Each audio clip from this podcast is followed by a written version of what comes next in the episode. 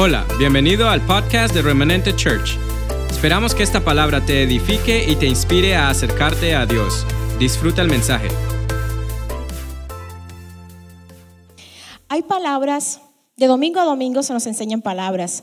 Hay palabras de adoración, hay palabras de exhortación, hay palabras de restauración, hay palabras de adoración. Pero Dios ha depositado en esta casa hoy una palabra de liberación y de proyección.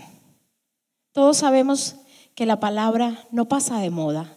La palabra siempre está al día con todo lo que se está viviendo. Lo que leyeron nuestros antepasados en la palabra era vigente. Lo que tú y yo estamos leyendo en esta misma palabra es hoy vigente. Y lo que tus hijos, tus nietos y tus bisnietos van a leer en esta misma palabra va a ser vigente para ese tiempo. Entonces yo soy una convencida de Dios, convencida, convencida de que la palabra está vigente hoy para ti y para mí. Yo quiero que estas, tengo 63 familias conectadas.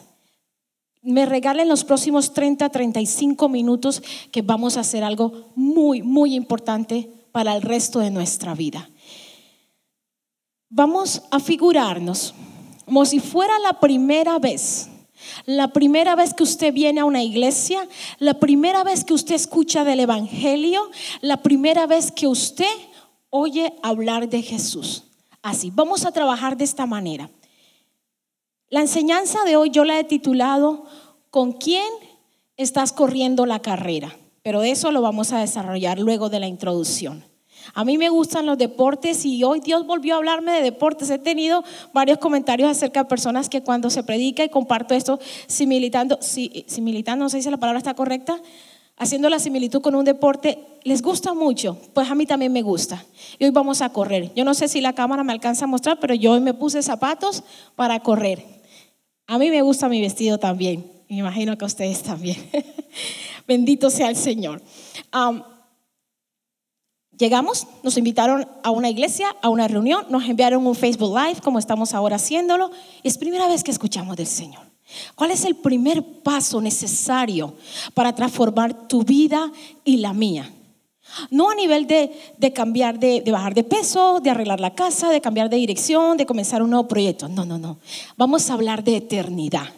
Porque hoy algo común que usted y yo vemos en las noticias, en reportes de familia, en donde usted coloque sus ojos, es la muerte. Es alguien que está hoy y ya mañana no está. Antes, antes y siempre ha sido real. La muerte es real como lo es real el nacimiento. Pero hoy en día, gente que conocemos, hermanos del hermano, el amigo, el primo, la tía, la cuñada, el maestro, el médico de la familia, todos están expuestos a tener algún familiar o algún alguien conocido que se ha muerto. Entonces es necesario pensar hoy más que nunca en la eternidad. Y el primer paso para esta eternidad es reconocer a Jesús como nuestro Salvador. Es necesario en la carrera de la vida prepararnos. Y una de las primeras cosas es necesario saber cuando usted va a correr una carrera es hacia dónde va. Y usted y yo estamos llamados a correr hacia la eternidad. Lo que pasa es que hemos vivido corriendo en el afán diario, en el afán inmediato y se nos ha olvidado que nuestra carrera de la vida es de a dónde veníamos y para dónde vamos. Venimos de la eternidad del corazón de Dios y después que este cuerpo cumpla la función y el tiempo que Dios dijo, volveremos a la eternidad. Pero es necesario llegar a esa carrera reconociendo a Jesucristo como Salvador. Yo te invito. No importa cuántas veces tú has hecho esta oración, lo vamos a hacer muy breve. Aquí habemos 3, 6, 7 personas en la iglesia y 72 conectadas. Vamos a reconocer a Jesucristo como nuestro Salvador. Señor Jesús, yo te reconozco como mi Salvador. Yo reconozco que he pecado contra ti y te pido perdón por todos mis pecados. Te pido que escribas mi nombre en el libro de la vida y que nunca más sea borrado. Yo reconozco que moriste por mí en la cruz y me diste vida eterna. En el nombre de Jesús, amén. Ok, usted llegó a la iglesia, ¿saben qué? Desde ya, desde este momento usted ya es salvo. Pero ¿cuál es el problema? Usted no se va a morir hoy y yo tampoco. en el nombre de Jesús. Porque si nos muriésemos ya, bueno, listo, quedamos salvos y nos fuimos para, para la presencia del Señor. Pero ¿qué pasa? Yo tengo 48 buscando 49 y yo creo que todavía me quedan mínimo otros 49 años más viviendo sobre la tierra. Tengo mucho por ver, tengo muchos lugares donde viajar, tengo mucha gente por conocer y tengo muchas cosas más que hacer y sé que usted también. Yo sé que usted también tiene ganas de vivir. Yo sé que usted también quiere disfrutar esto. Si no, no estuviera conectado ahora. Estuviera en un cuarto encerrado llorando. O estuviera leyéndose una novela de Corintellado. Pero usted, gente valiente, ha decidido conectarse y escuchar qué tiene Dios para mí. Déjame decirte, Dios ya te hizo libre. Dios ya te dio vida eterna. Pero ¿cómo vamos a correr la carrera de la vida? Usted es nuevo, usted llegó a la iglesia, usted recibió a Cristo. Pero de, los cinco minutos hacia atrás de su vida, usted y yo, figuremos que es primera vez que escuchamos de esto, hemos vivido muchos años, hemos conocido a muchas personas, hemos ido a muchos lugares y hemos hecho muchas cosas y hemos dejado de hacer muchas cosas. Y en medio de todos estos años que hemos vivido, también hemos hecho ligaduras de almas. El segundo paso que usted va a hacer al llegar a una iglesia por primera vez como lo está haciendo ahora conmigo, vamos a romper y a quebrantar toda ligadura de alma. ¿Qué es una ligadura? Usted ata algo a alguien y usted literalmente crece junto con eso. Si eso se tuerce, usted se tuerce. Si eso se detiene, usted, usted está ligado. Un árbol que está torcido lo amarran a un tronco y, o a una, a una una cuerda y eso se mantiene. Hace poquito una tormenta, rompió una cuerda de una rama de un pino del patio de casa y ayer amaneció así, se rompió la ligadura. Usted y yo hicimos legaduras que nos han detenido por mucho tiempo. Hicimos confesiones, sin ti no puedo vivir. Hicimos confesiones yo no sé para qué Dios me puso al lado tuyo. Hicimos confesiones tan lejos de la verdad de Cristo. Dios te hizo un ganador. De hecho, mírese, ¿qué pasa si el espermatozoide de su papá no llega donde tenía que llegar y ganar esa carrera a miles y millones que venían detrás y al lado de él? Desde el momento que usted es concebido en el vientre de su madre, comienza una carrera, pero desde ese momento Dios nos hizo ganador. Pero el enemigo, las amistades, las relaciones, los negocios, mire, hay gente que invirtió su retiro con otra persona, creó un negocio, la persona le falló y quedó su alma tan ligada a ese engaño que los mejores, que se suponían a los mejores años de su vida, fueron una tristeza terrible, terrible. Hay ligaduras de palabras, hay amistades. Por años hay gente que ha comprometido su futuro y el de sus hijos por estar ligado a amistades y a relaciones que Dios no dijo que eran para él. Y de eso vamos a trabajar más adelante la bendita palabra. Hay ligaduras de pactos de brujería. No mucho nos gusta hablar de eso, pero es verdad. Yo conozco el caso de alguien que fue a acompañar a una amiga donde la bruja. Ella se quedó sentada en el pasillo, la amiga entró en el cuarto. Y ella especiéndose en la mecedora en el pasillo, escuchó una voz en una sala que le dijo, tú eres mía y no te vas a casar nunca. Y ella miraba para todos los lados y era voz de un hombre. Nunca nadie estuvo con ella en el cuarto, físicamente hablando, pero espiritualmente hablando. Y su alma quedó ligada a eso de tal manera que nunca se casó.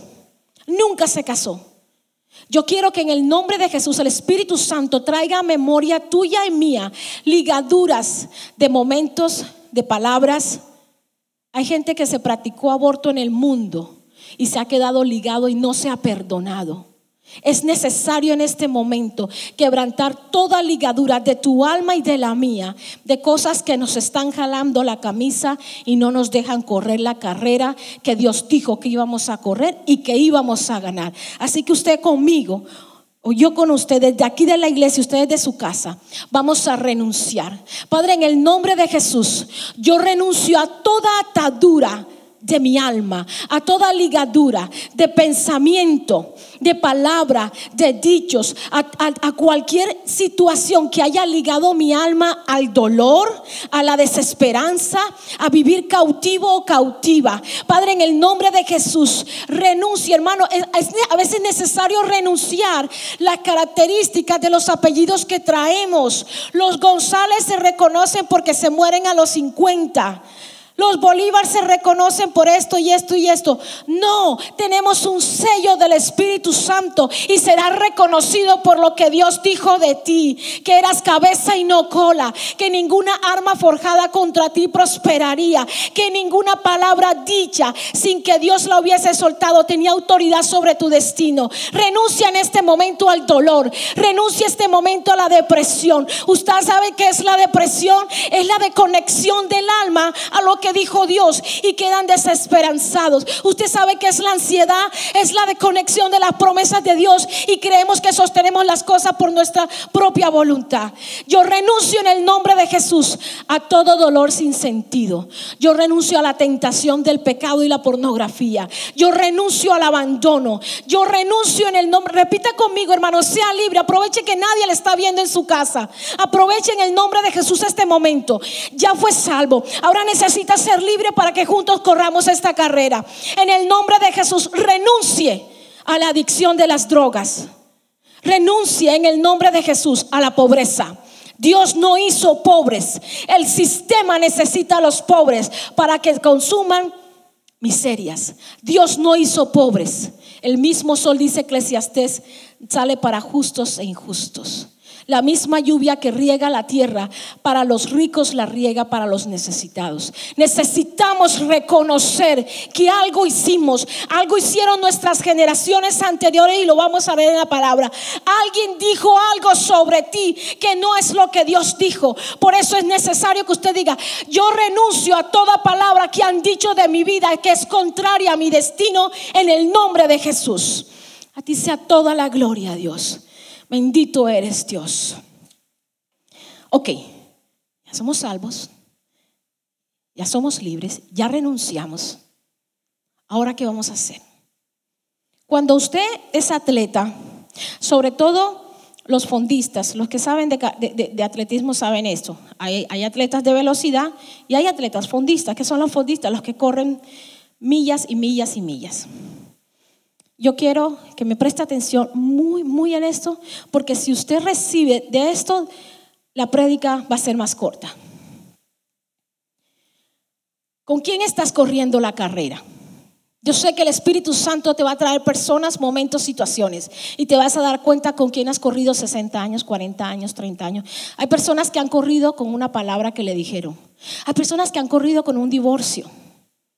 Hermanos, amigos, conocidos, familia.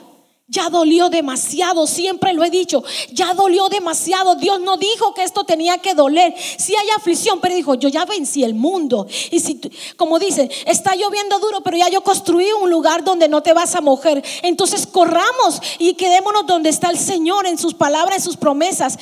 En el mundo tendremos aflicción, pero no estamos llamados a vivir afligidos. Eso es un, eso es un evangelio que se ha predicado que no tiene fundamento en la palabra.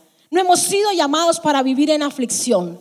La aflicción tuya y mía en Isaías 53 le, le hicieron tanto a Jesucristo que dice que no, no, quedó en él figura de hombre, no quedó en él nada que pareciera un hombre. Las carnes de sus costillas, usted y yo hemos comido costillas de cerdo, hay gente que no come cerdo, yo como cerdo, costillas de animal, de cabra.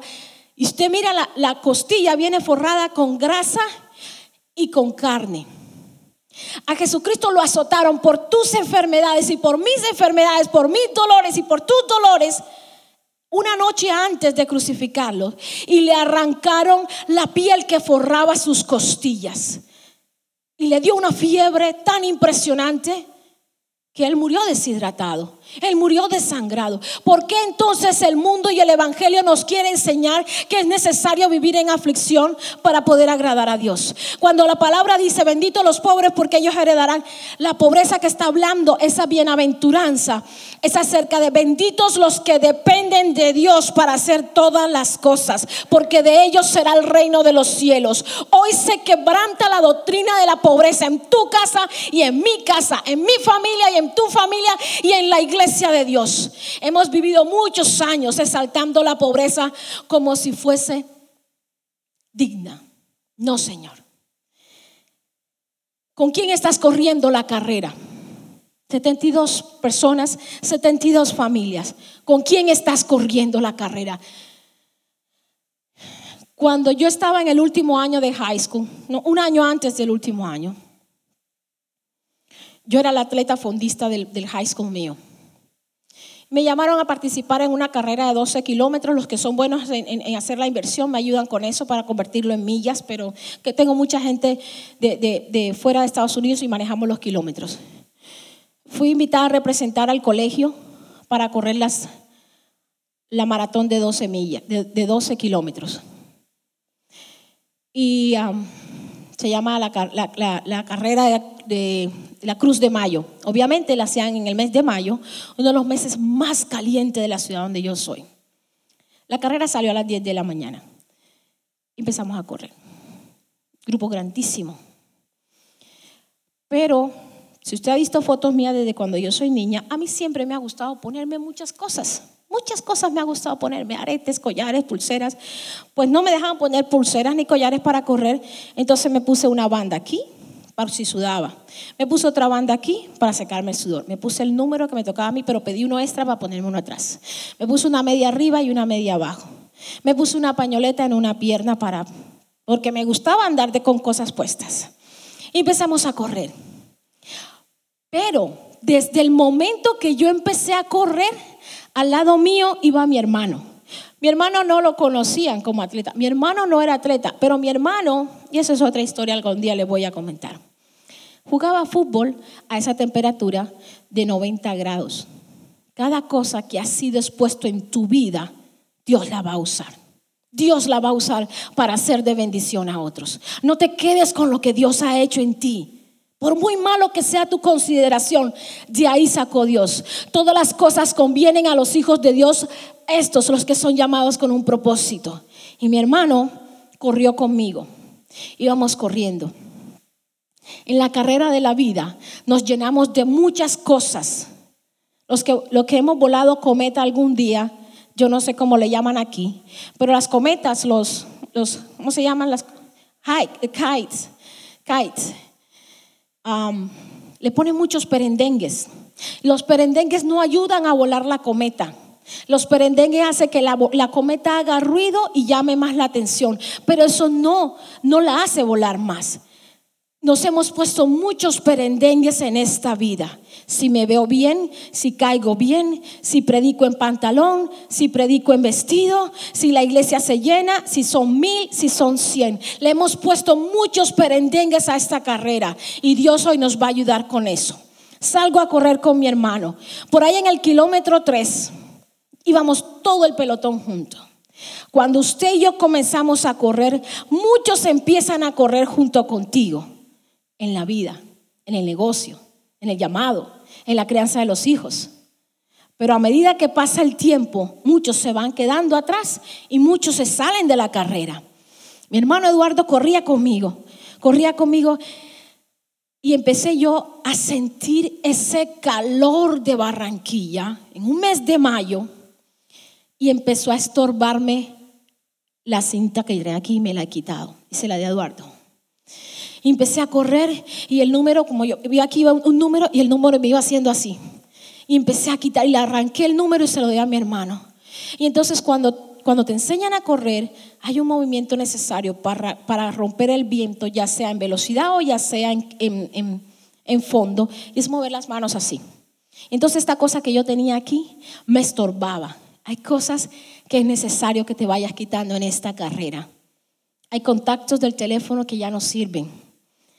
Hay compromisos que te has hecho. Hay quejas que ya no sirven para este tiempo. Hay muchas cosas. Yo empecé y me bajé las medias porque ya iba, ya iba por el kilómetro avanzadísimo, tal vez por el kilómetro 8. Y cuando tú corres, hay momentos en tu vida y en tu carrera que corres con esa pasión, corres y lo único que empiezas a sentir es el latido de tu corazón. Las personas que han corrido o que han jugado basquetbol, creo que el hermano no ha jugado basquetbol, las personas que han hecho algún deporte, saben que saben que cuando está en la parte más intensa de la carrera, las piernas ya no se sienten. Lo único que se siente es el latido del corazón aquí en el oído. Hermanos, amigos que me escuchan, el corazón no necesariamente hay que estarlo escuchando todo el tiempo. Porque ese, ese, latido apresurado ya no sientes nada, sino tengo que llegar, tengo que llegar. Se escucha tan duro y tan real aquí que las emociones empiezan a surgir. No voy a poder, ya no puedo respirar. Te enseñan a correr de tal manera que no debes abrir la boca. Cada vez que abres la boca se te va el oxígeno. Tienes que respirar las bocadas de aire se, agarran por la nariz y, lo más que puedes agarrar por la nariz y lo vas soltando kilómetro a kilómetro despacito por la boca. No abramos tanto la boca para quejarnos, ni, ni siquiera para decir que nos está doliendo. El enemigo hace uso de eso. Las amistades hacen uso de eso. Los hijos hacen uso de eso. No nos quejemos tanto, porque va a llegar un momento en que puede que sea real lo que estamos viviendo, pero lo hemos hecho tanto por tantas cosas pequeñas que ya no nos van a creer. Y empecé yo a, y le dije, Eduardo, yo ya no puedo más, yo ya no puedo más. Y Eduardo me decía, Eli, te falta menos de la mitad, Eli, no te puedes rendir. Y yo veía a mi hermano y él corría. Entonces, ¿sabe qué hacía él? Él corría un poquito más adelante de mí y él me decía, alcánzame Eli, pero no me toques porque si me tocas te eliminan. Alcánzame Eli. Y Eduardo corría y yo corría más, rápido hasta que lo alcanzaba y empezamos a llevar el ritmo. Pero algo que también te enseñan a correr, cuando te enseñan a correr es ni en la velocidad ni cuando corres maratones. No mires hacia atrás, porque si eres un velocista y estás haciendo algo que el Señor te mandó a hacer de repente y rápido y con un propósito, y si tú miras hacia atrás, hacia el lado, lo más probable es que te caigas por la velocidad con que Dios te ha llegado y digas, no más. Por un mensaje de texto, puede que se te frene la velocidad con que estás andando en el Señor. Pero también cuando eres fondista, te dicen, no mires hacia atrás, porque si usted mira hacia atrás y ve mucha gente cerca de usted, usted puede que se atemorice y empiece una presión mental que le roba impulso.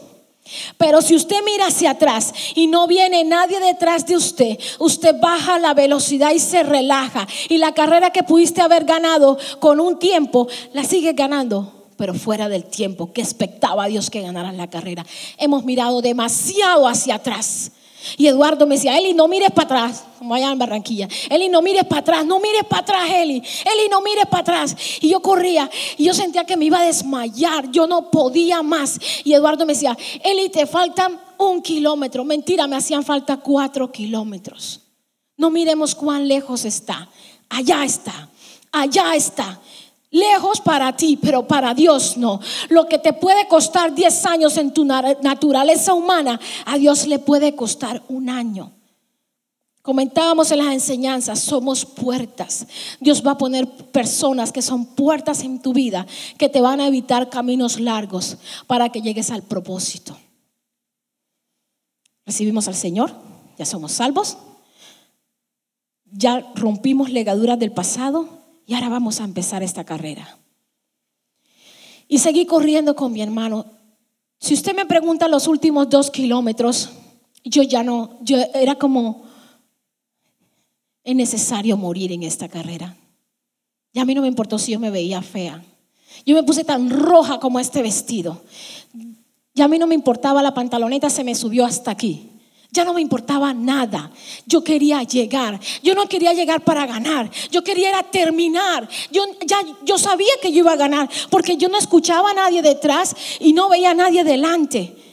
Yo me había preparado para esa carrera, porque había pasado todo el, el bachillerato queriendo ganar esa carrera y nunca podía, ya nada más me quedaba esa y la siguiente. Yo necesitaba ganar esa carrera y yo sabía que iba a ganar, pero ya los últimos dos kilómetros yo no me acuerdo de nada. Yo solamente escuchaba y veía a mi hermano. Yo escuchaba, Eli, alcánzame, Eli, alcánzame. Y, y él me acompañó. Gané la carrera con el tiempo mucho más lejos de lo que yo me imaginé que le iba a hacer. Finalmente, ese trofeo era de mi hermano. Porque si mi hermano no va conmigo, yo no hubiera ganado. Entonces, ahora vamos a, trabajar un par de escrituras, tal vez tres, por el tiempo que nos dé. ¿Cuán necesario es saber con quién estás corriendo la carrera? ¿Con quién estás corriendo tu carrera de la vida? Con una persona que muchas veces te ha dicho, ya no corra más, igual. Él ya llevas como cinco años corriendo esta carrera y nunca gana, ya no, ¿para qué lo hace? Ya no corra más. No, mucha gente te va a desanimar. ¿Usted va a hacer un negocio en esta pandemia? ¿Para qué se va a poner a adelgazar si a la final ya ni vamos a ninguna parte? No, ahora es cuándo. ¿Por qué ahora es cuándo? Porque es tu tiempo, no va a haber otro tiempo, no va a haber un 2020 más, es este. El 21 depende de Dios, no de ti ni de mí. En marzo 8, cuando nos reunimos aquí, esto estaba llenísimo y no sabíamos que el otro, el otro domingo entrante iba a estar así como está ahora y como ha venido por los últimos cuatro meses. Lo que tienes es hoy, hoy hay que correr, hoy hay que tomar decisiones, hoy hay que sembrar. Eclesiastés dice, quien siempre mira al viento y las nubes no tendrá cosecha. Hoy no siembro porque va a llover. Hoy no siembro porque hace mucho viento. Hoy no siembro porque y se te va la fuerza, se te va la, juventud y los años y no sembraste. Y te toca comer del fruto de otros porque no sembraste por temor al viento. Estamos en el tiempo correcto para sembrar, para creer, para predicar, para nuevos comienzos, para instalar cosas nuevas, para crear tecnología nueva, para hacer cosas diferentes que no te habías y no me había atrevido a hacer porque estábamos cómodos. Estábamos cómodos. Hermanos, la iglesia no es el edificio. Jesucristo nunca le dijo una estructura específica a los, a los apóstoles ni a los discípulos de, él, de que él quería que hiciera iglesia. Porque si fueran iglesia le hubiera dicho, me hacen una iglesia aquí, una iglesia aquí, como lo hizo el Señor en el Antiguo Testamento. Dio formas de hacer el templo y de hacer el altar del, del Altísimo. ¿Sabe por qué Jesucristo no dejó estructuras de iglesias, ni catedrales, ni mega iglesias? Porque tú y yo somos la iglesia. Tú y yo somos la iglesia. Tu casa, tu basement, tu cuarto, tu baño, tu mensaje de texto, este bendito celular es la iglesia de hoy. No había estructura, no había edificio. Los apóstoles y los discípulos y los pastores no eran necesarios en la consejería todas las semanas para saber qué hacemos. Hermanos, si usted depende de una consejería para sacar adelante una familia, yo quiero dejarte saber que hace tiempo, hace tiempo era necesario que supieras que tu consejero más grande es el Espíritu Santo. Tu pastor, tu apóstol, tu predicador es esta bendita palabra, es el proverbio del día. Es lo que hizo Jesucristo por ti y por mí en la cruz. Los apóstoles se van a equivocar. Los pastores pueden que dejen de querer ser pastores y se vuelven músicos. Pero Jesucristo, el Espíritu Santo que habita a ti y en mí, no va a dejar de ser lo que Él es. Cuando Jesucristo dijo, es necesario que yo me vaya, pero vendrá otro, vendrá otro. Y ese otro, a partir de hace 20 minutos que tú hiciste la oración de fe, empezó a habitar en ti y en mí, que es el Espíritu Santo, que te redarguye, que te, te lleva a la verdad, que te consuela, que te avisa. ¿Acaso no has escuchado? Hay gente, yo no escucho de Dios. Déjame decirte, Dios siempre está hablando. El problema es que no siempre queremos escuchar. Tú y yo somos testigos de que Él es Dios. Entonces, cuando la gente te ve a ti y me ve a mí, está oyendo a Dios. El Señor dice en este tiempo, he estado hablando y es necesario que me escuches. Es el tiempo de crecer. Dolió demasiado, es el tiempo del gozo y de la victoria sobre los tuyos. ¿Cuánto escriben un amén en el chat? Por favor, adoremos al Señor en esta hora. Vamos a la palabra. Génesis 32, se me cayeron los lentes. Me perdí de la cámara y ya volví. Génesis, vámonos juntos. Génesis 32, 26. Está Jacob. Jacob dice, él, él tuvo una noche, tuvo un sueño y tuvo una situación con un ángel. Y en el 26 dijo, déjame, el ángel le dice a Jacob, déjame porque raya el alba. Y Jacob le respondió, no te dejaré si no me bendices. Y el varón le dijo, ¿cuál es tu nombre? Y él le respondió, Jacob.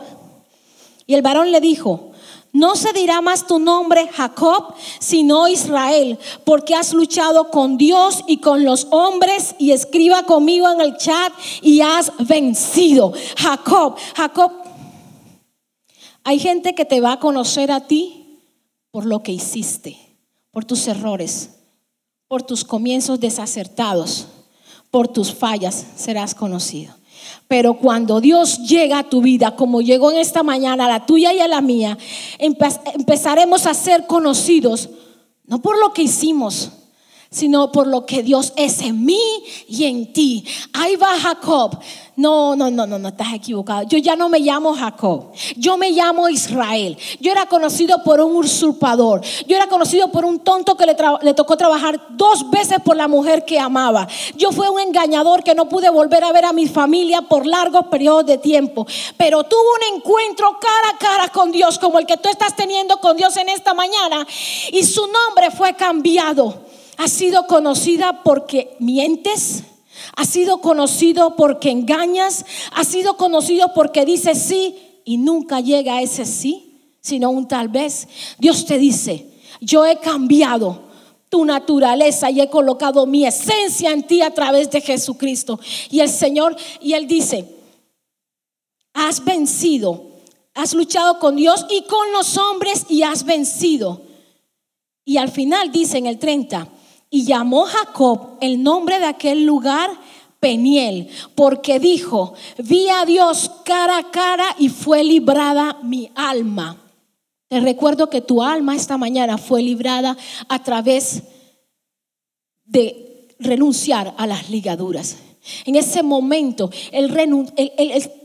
fue tanta la lucha que él tuvo con el ángel que su muslo, su caminar cambió era conocido. Hasta el día de hoy, los judíos no se comen esa parte del animal, lo que encaja la pierna con el muslo, no se la comen. Porque ahí tuvo que, era tanta la carrera y la lucha y la tenacidad que Jacob con todo lo que sabía que él había hecho, él peleó su batalla y dijo, si usted no me bendice, si usted no me ayuda a llegar a la meta, usted de aquí no se va. Y era un ángel.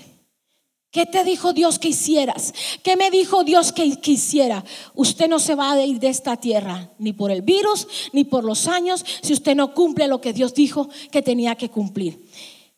Israel, que antes se llamaba Jacob, de sus lomos salieron las doce tribus de Israel. Las doce tribus. Y vamos a seguir moviéndonos. Génesis.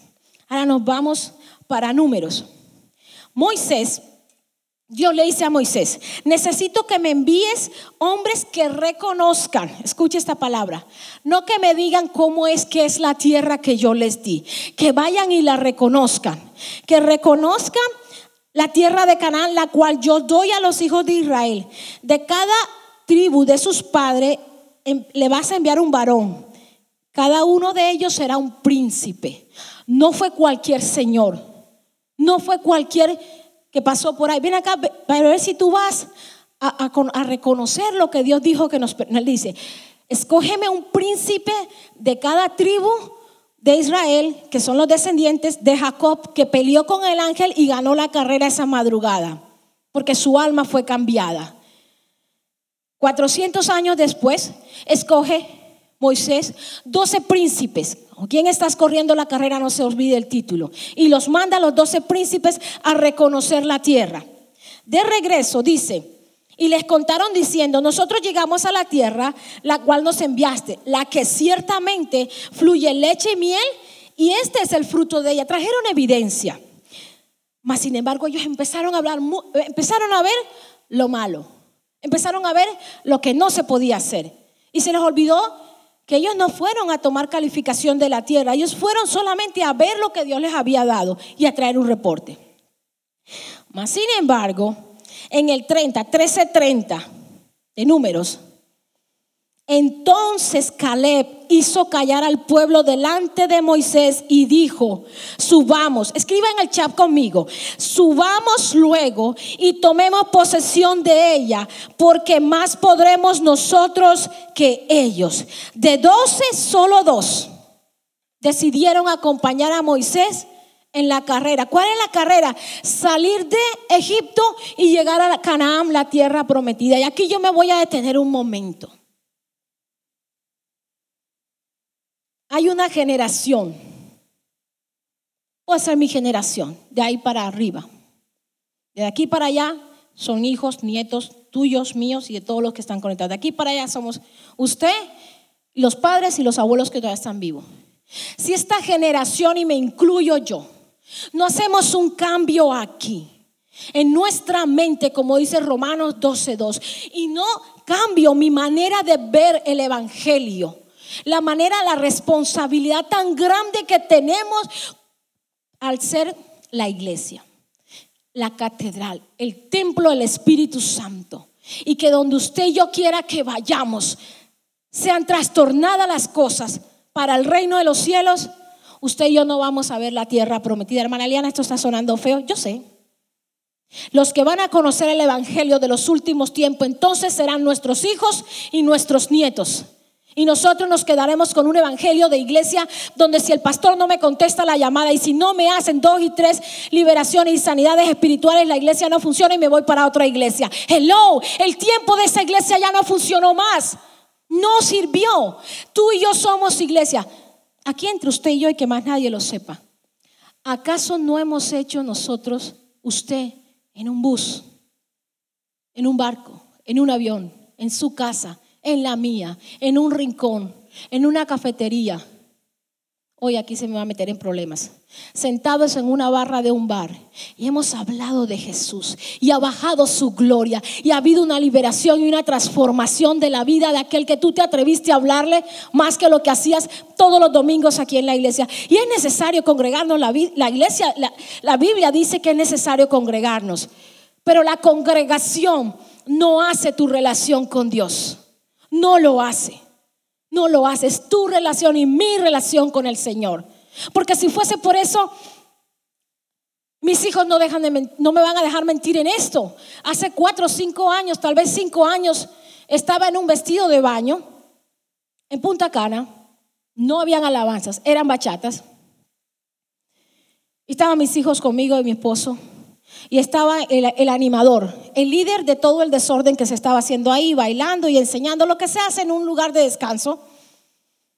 Y le digo yo, Juan Carlos, eh, vestido de baño, porque la religión nos ha robado mucho. Si bien es necesario ser decente, si bien es necesario honrar a Dios, no me vaya a tomar por equivocada. Si bien es necesario ser santos y ser testigos del poder de Dios, no podemos enmarcar a Dios en una situación o en un vestido.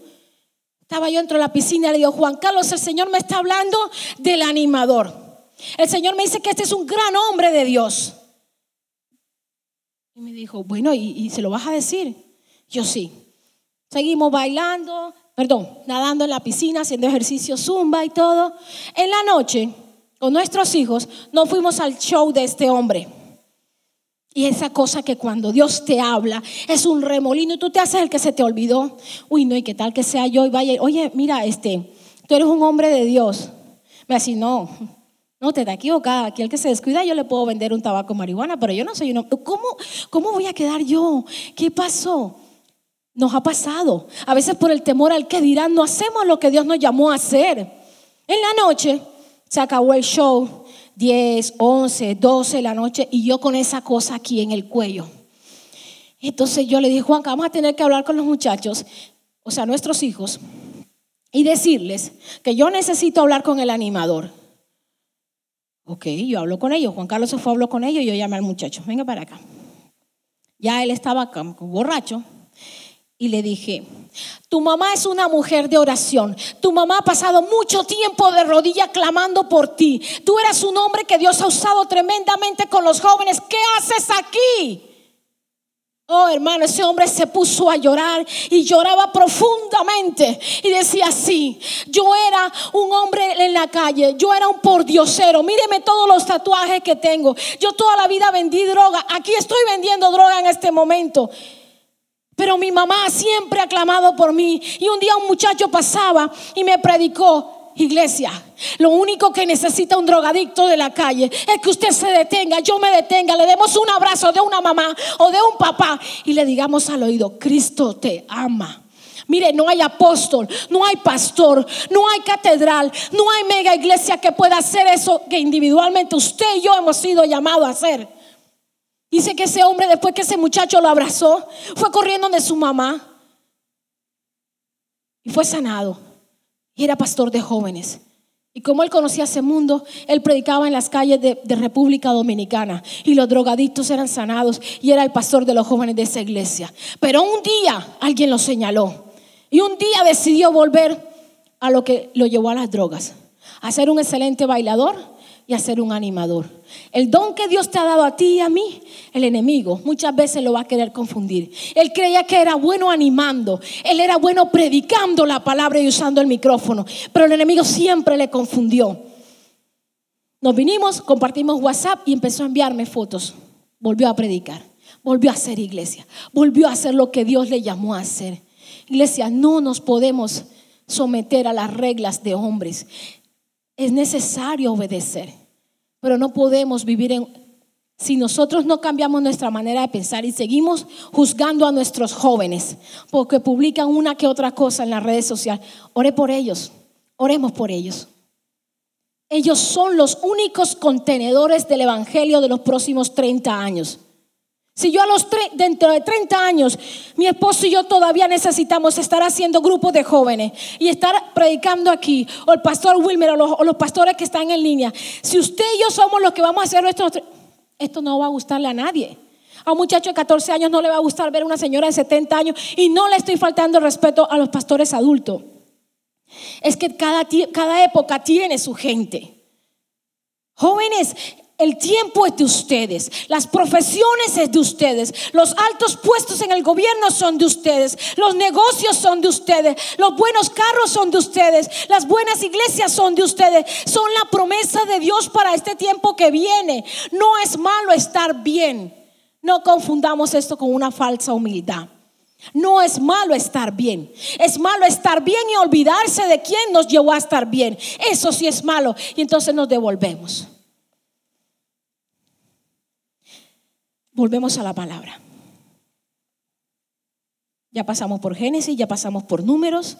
Ahora vamos a Ruth.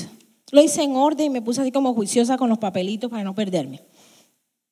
Ruth, otra si bien hemos hecho ligaduras de almas, a nivel de carrera es necesario, por eso yo le puse el ejemplo de la carrera que hice con mi hermano, es necesario tener con quien correr la carrera, es necesario tener un amigo. La Biblia dice que hay amigos que son más que un hermano.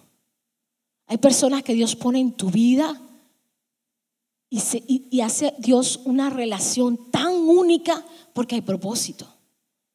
Lo contrario a que hace el mundo. Pone relaciones que se vuelven tan únicas que nos apartan del propósito.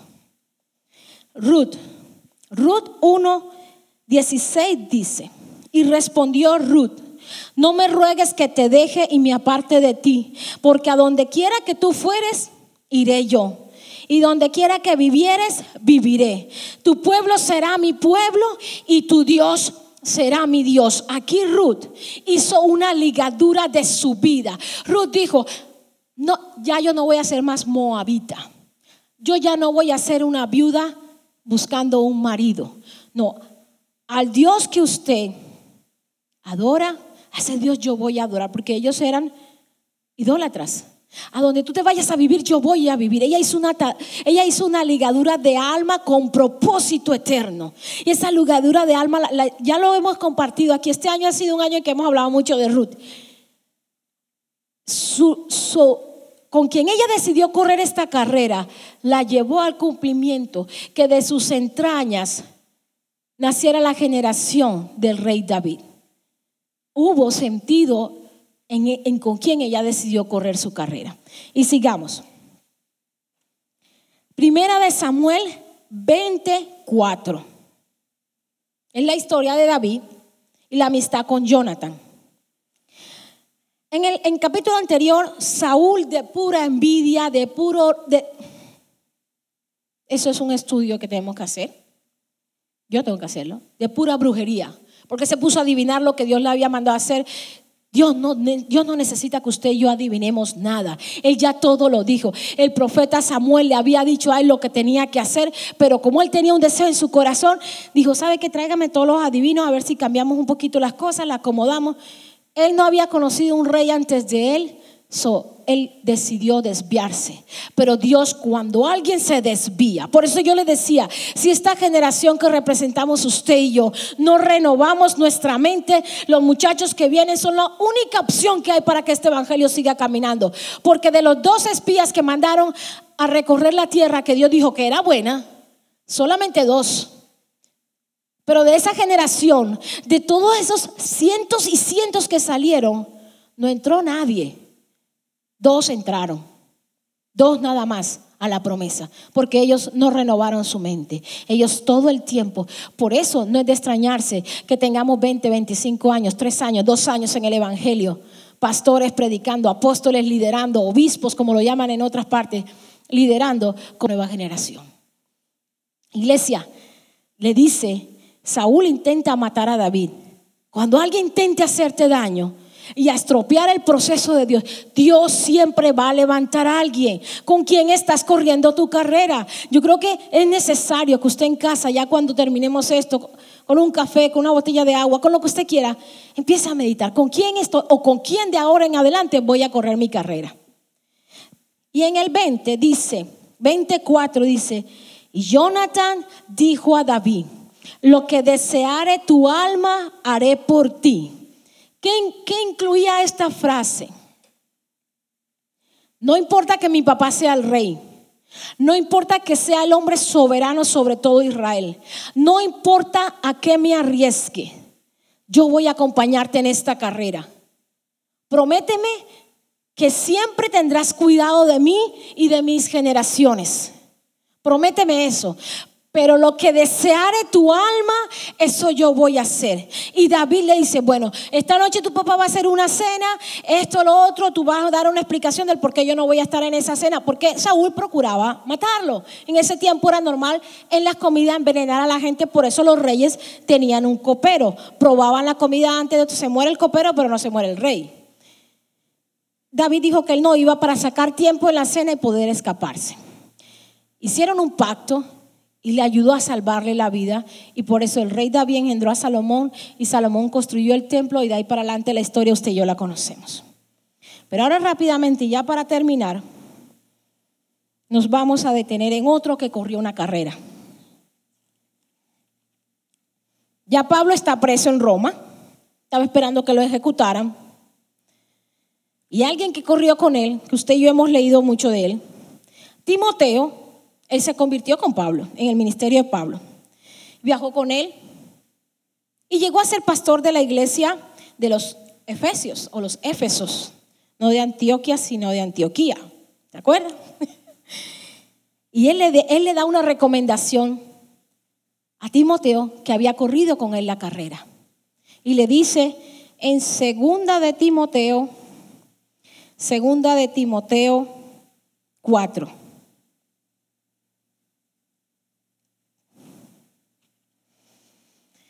Ya está encarcelado y está esperando la fecha del día de su ejecución, crucificado, lacerado, por haber hecho lo que Dios le dijo que hiciera. Y él le dice, hijo, te agradezco delante de Dios y del Señor Jesucristo que juzgará a los vivos y a los muertos en su manifestación y en su reino, que prediques la palabra, que trabajes a tiempo y fuera de tiempo, redarguye, reprende, exhorta con paciencia y doctrina. Porque vendrá tiempo cuando no sufrirán la sana doctrina, sino que tendrán comezón de oír Se amontonarán maestros conforme a sus deseos y apartarán de la verdad al oído y se volverán historias. Pero tú sé sobrio, soporta las aflicciones y haz obra de evangelista. ¿Estamos haciendo obra de evangelistas? El evangelio está donde usted y yo estemos. Ese es, eso fue lo que nos llamó a hacer Jesús. Y predicar. El evangelio no está en la iglesia, en el edificio. El evangelio está en la iglesia que Cristo constituyó por el Espíritu Santo en tu vida y en mi vida. Y al final le dice, he peleado la buena batalla, he acabado la carrera, he guardado la fe. Por lo demás me está guardada la corona de justicia, la cual me dará el Señor juez justo en aquel día. Y no solo a mí, sino también a las 71 personas que están conectadas conmigo en el Facebook, escuchando acerca de lo que Pablo dijo. Hay una, hay una, corona, hay un trofeo, hay un premio, hay un galardón que nos está esperando. Pero es necesario correr la carrera del evangelismo. Es necesario correr la carrera de decirle a alguien, todo va a estar bien, Dios va a hacer algo. Y no le estamos dando una palabra de, de que se mejore por una, una, frase. Dios va a hacer algo. Dios va a hacer algo. ¿Cuál es tu situación? Yo no sé, pero Dios la sabe. Lo que yo sí sé es que el ángel se iba y Jacob le dijo, no te vas si no me bendice. Yo también sé que de dos espías que fueron solamente dos vieron lo que Dios dijo. Yo sé que Ruth renunció a su pasado y a su historia y conquistó la herencia. Yo sé que Jonatán sabía que genealógicamente él no iba a ser rey por quien era su papá, por todos errores y ligó su alma a la, de, a la de David y se consiguió lo que Dios dijo. Yo sé que sé que Cristo vive y que Él va a hacer algo en tu situación y en la mía, en lo que es imposible para tus números en el banco, aún para tu fe que hace necesario que la ejercitemos más. Lo que es imposible para ti no es imposible para Dios. No es nada, no hay nada que sea imposible para Dios. Dios va a hacer algo. Dios nos sorprenderá. ¿No te sorprendió Dios esta mañana cuando abriste los ojos y estaba vivo? ¿Se acuerdan del domingo antepasado? Buenos días, mami, ¿cómo estás? Bien, estoy viva. Está vivo, iglesia. Tienes al Espíritu Santo. Ya fuiste salvo. Ya renunciaste a lo que ligaba tu alma. Ahora sabes que tienes una carrera que correr. Ahora sabes que hay gente y hay instituciones y hay pasado que tienes que soltar para poder correr bien. Así como me tocó quitarme todas las arandelas que me puse para correr una carrera que quería ganar. El apóstol Pablo se quitó todo el conocimiento que decía. Decía, me he tenido por basura todos los títulos que me colgaron desde joven. Los siete idiomas que puedo hablar no me sirve de nada comparado a la grandeza que me espera predicando al Jesucristo que llevo dentro de mí. Iglesia, llevamos a Cristo en nuestra piel, en nuestro ADN. El Espíritu Santo habita en ti y en mí y nos da testimonio que es real. Dale un gloria al Señor. Bendice al Señor en esta hora, porque Dios esta mañana ha hablado a mi vida y ha hablado a tu vida. No hay temor, no hay nada mayor que nuestro Dios. No hay nada imposible. No hay nada, iglesia. Si ya eres salvo y tienes al Espíritu Santo, nos volvemos casi invencibles. Un hombre y una mujer de fe. Levanta hijos sabios, levanta hijos con provisión, hace empresa que genera empleos para naciones. Un hombre sabio y parado en lo que Dios dijo, predica la palabra aunque sea en vestido de baño en Punta Cana. Y no me estoy poniendo ejemplo, solamente te estoy dejando saber que mi redentor vive, que lo que él hizo un día en mí hace 24 años lo puede hacer en ti todos los días de tu vida. Solamente escuchaba al predicador, Cristo te ama, Cristo te ama, Cristo te ama. Y me senté en el estadio y dije, ¿me amas? ¿Me amas? Es que si tú me amas, ¿por qué me pasó esto? ¿Por qué no me pasó esto? ¿Por qué estoy aquí? Porque a mis 24 años he sido casada dos veces y estoy a punto de divorciarme. ¿Me amas? Y no sé dónde está mi mamá y mi papá. Y escuché esa voz que dijo, te usaré para que seas de bendición a muchos en las naciones. Y vivía en una ciudad que a los dos años ya no tenía ni para ponerle gasolina al carro pero esa palabra se quedó implantada en mí. Y hoy, hoy estoy dando de ese depósito. Iglesia, estamos llenos de depósito de Dios. No necesario volver a sentarnos otra vez en la iglesia a que se nos predique y el miércoles llamar al pastor o al apóstol a la hermana Beatriz o a cualquiera y decirle, ya no sé qué hacer con mi vida. Y el domingo volver a la iglesia y recibimos alabanza, prédica, regalos y recomendaciones y el martes otra vez estamos en depresión. Iglesia, no, ya esa mentalidad no funciona más. Eso no nos va a llevar a ninguna parte. Es necesario predicar a Cristo. Es necesario pararnos y decir, hey, ya dolió mucho. Ven, yo te llevo donde no duele. Donde que hay que correr y a veces nos quedamos sin aliento. Donde somos juzgados en la forma como corremos. Pero vamos a llegar a la meta. ¿Acaso a Pablo no lo iban a crucificar por la forma como corrió? ¿Acaso no fue así? ¿Lo crucificaron? ¿A Esteban lo apedrearon? Quizás no voy a ser agradable para muchas personas, pero a mi Señor le voy a servir todos los días de mi vida, desde cualquier lugar que el Señor me permita hacerlo. No nos cansemos de hacer el bien, aunque no tengamos fuerzas, aunque no tengamos fuerzas. Padre, yo bendigo tu iglesia en esta hora. Yo declaro tu gracia y tu favor sobre todo pastor, sobre todo líder, sobre toda madre soltera, sobre todo líder, sobre toda persona que está para, para, para servir y predicar tu palabra. Yo declaro que haya una unción que abre la cárcel de las almas de muchas personas. Se caen sellos de los ojos de muchos se quiebra el cerrojo que ha maldecido tu familia. Yo ayer hablaba con alguien y decía, es que no puedo, yo no estoy pensando en llorar y las lágrimas se me salen de los ojos. Estoy con tanto dolor en mi alma que no puedo, yo no puedo tener el control de cómo se me salen las lágrimas del dolor. La gente tiene mucho dolor, iglesia. Las dos, tres horas que nos vamos a gastar aquí congregados, busquemos a quien bendecir. Es necesario reunirnos, es necesario juntos adorar a Dios. Y haremos una fiesta, como decía la alabanza, y nos gozaremos y haremos un banquete afuera y comeremos y nos vestiremos lindos para venir todos a adorar a Dios. Pero ahora la iglesia es en el basement de tu casa, la iglesia es en tu carro y la iglesia es tu teléfono. Porque si se declarara una guerra, hasta sin internet nos quedábamos. Es necesario ser iglesia de persona a persona. Iglesia, yo te bendigo. Yo declaro sanidad sobre tu vida y declaro gozo los restos de tus días aquí en la tierra. Te amamos. Remanente está para bendecir y restaurar en el nombre de Jesús. Amén. Esperamos que este mensaje haya sido de bendición. No te olvides de suscribirte a nuestro podcast y seguirnos en Facebook e Instagram arroba remanente church.